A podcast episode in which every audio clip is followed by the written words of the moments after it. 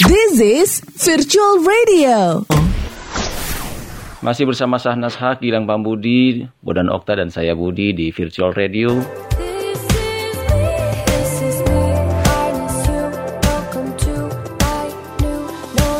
Kang Gilang Yes. nih.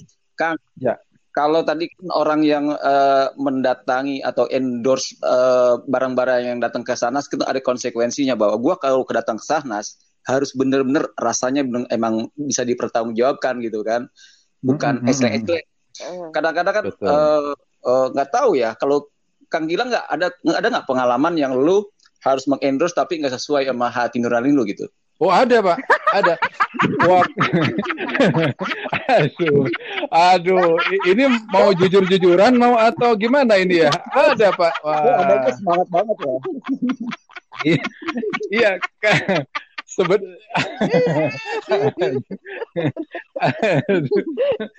ya, waktu itu datang ke saya waktu itu ke kantor. Orang sih necis ya, penampilannya oke gitu. Wah, ini gue bilang sih kamu kamu yang asik nih gitu. Ngobrol, ngobrol, ngobrol, ngobrol gitu. Terus eh, Kang Gilang eh, pernah dapat endorse nggak? Saya bilang ya beberapa kali adalah Pak. Saya bilang begitu. Nah, ini Kang Gilang kebetulan saya ini mengelola sebuah eh, yayasan gitu ya.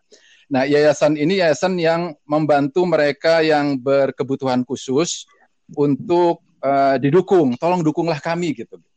Baik Pak, saya bilang begitu. Nah, eh, yang menarik adalah bahwa eh, saya harus ngobrol dengan seseorang yang agak sulit untuk berkomunikasi gitu mungkin saya harus menceritakan ini dengan jujur gitu. Saya berusaha menjadi seorang komunikator yang sebaik-baiknya, tetapi anak yang saya ajak komunikasi itu juga sesusah-susahnya untuk dikeluarkan isi perasaannya gitu. Sehingga ya menjadi agak canggung begitu ya. Tapi ya akhirnya alhamdulillah sukses gitu. Tentu dengan beberapa kali editing dan pengambilan gambar. Kira-kira sih begitu teman-teman. gua, gua sih ngebayang wajahnya si Gilang Pambudi ya gue udah ngebayang dia cerita gue udah ngebayang melotot matanya bingung ya udah kebayang kebayang banget Iya. Aduh, ada sekolah berkebutuhan khusus, tapi menarik sedang semangat mereka untuk menjalankan itu juga luar biasa. Kesabaran orang-orang para pendidik di sekolah itu oh, saya pikir berpuluh-puluh kali lipat dari kesabaran yang kita miliki loh teman-teman. Dan itu sesuatu yang harus kita acungi oh jempol. betul Jarang kita ketemu ladang amal untuk bisa menguji kesabaran selain di tempat-tempat yang penuh penuh tantangan macam gitu dan itu luar biasa menurut saya. Nah, Salut lah buat nah mereka. itu ladang amal lu tuh waktu lu di endorse Benar. iya Benar, Nas. karena sih. gue nggak datang yang begitu karena dosa lu lebih kencang dari gue itu untuk Aduh, iya benar kayaknya dosa gue kebanyakan nih Nas. Duh. Jadi ladang amal lu cuma segitu doang. banyak di Ya, nah itu juga perlu saya ceritakan nggak di sini nih? Ada nih biasanya begitu nih. Ah. Ini bisnis dari perempuan-perempuan yang tidak bersuami, lalu mereka hidup sebagai sebagai ibu tunggal ya, punya usaha. Nah, kadang-kadang juga mengajak saya untuk eh, tolonglah Kang Gilang eh, bantu kami ya. Nah, yang menariknya adalah kadang-kadang eh, suka dengan senyum-senyum yang agak-agak gimana gitu. Aduh, saya pikir Bu, padahal saya kalaupun Ibu mau berusaha nggak apa-apa kok nggak usah senyum-senyum kayak gitulah gitu. Tapi lo tahu nggak Gil? Ada yang namanya law of attraction. Dia bisa senyum-senyum Yes. kayak begitu karena lu ngundang juga gitu loh. Oh Coba benar, lu iya. kalau nggak keluar sama mereka, lu nya juga cunihin sih. Iya benar juga Nas. Iya, begitu dia menceritakan bahwa dia tidak bersuami dan hidup sebagai eh, ibu tunggal, tiba-tiba kami para laki-laki juga kadang-kadang menjadi berubah gitu. berubah sehingga law of attraction-nya itu tiba-tiba muncul gitu loh Nas. Duh, gimana ya? Iya, lu mesti diruat mandi kembang. Eh tapi eh, semuanya thank you kemarin udah bikin apa testimoni soal yang namanya new normal ya.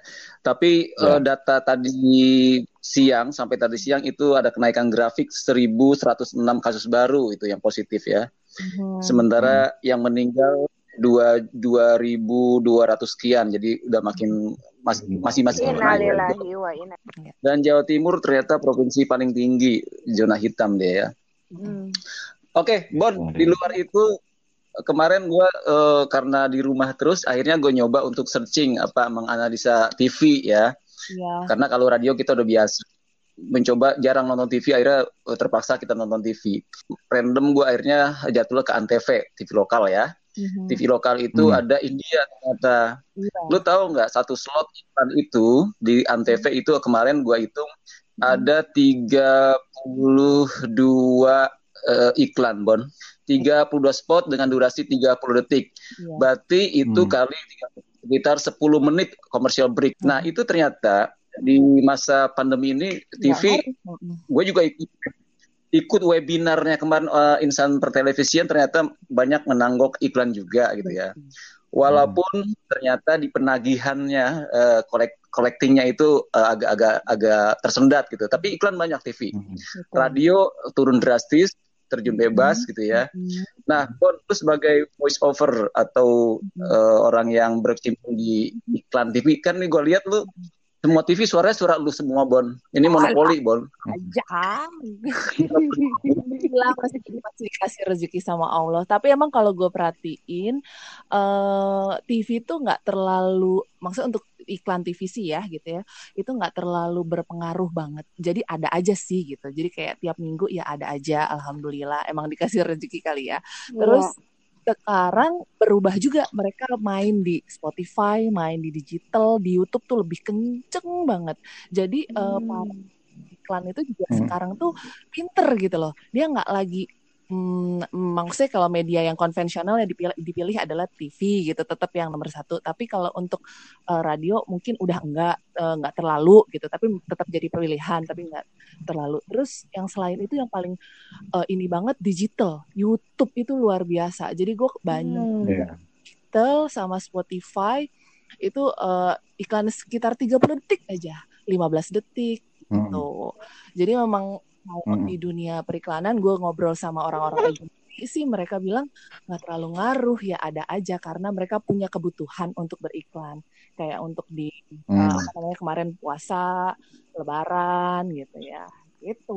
Hmm. Hmm, betul. Mm. Eh, Bon, kalau menurut lu efektivitas beriklan di YouTube itu tinggi nggak sih? Karena kan gini, kalau di YouTube kita diberi kebebasan untuk skip iklan ya. Kalau TV kan kita emang resisif, kita menerima aja gitu loh, eh, eh, pasif Hmm. gitu. Kalau di YouTube kan kita bisa eh, mengklik tombol eh, lewatkan iklan. Itu efektifnya gimana?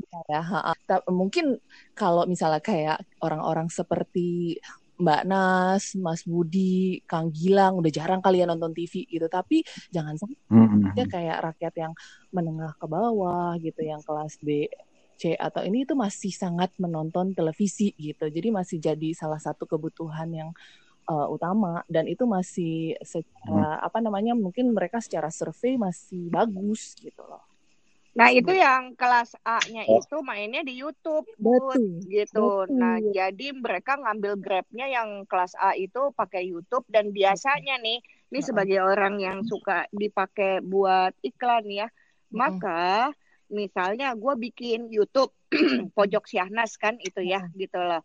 Nah itu gue membawa produk itu bukan jadi iklannya tuh bukan tempelan yang bisa di skip gitu loh Bud. betul Nah betul. jadi eh, iya, iya. produk produknya itu ada di dalam materi gue waktu gue lagi ya, Mbak, bikin itu Hmm. iya built in yang kayak begitu bud jadi mau nggak mau akhirnya eh, dan dan produksi pada saat pembuatan YouTube di episode itu dibiayai oleh perusahaan tersebut gitu jadi makanya dia bisa Hmm. built in gitu caranya bud betul Hmm. Oh iya, jadi kita kita paham ada eh, ada klasifikasi apa kelas target gitu ya. Jadi Iya. YouTube untuk nah, B, C, D.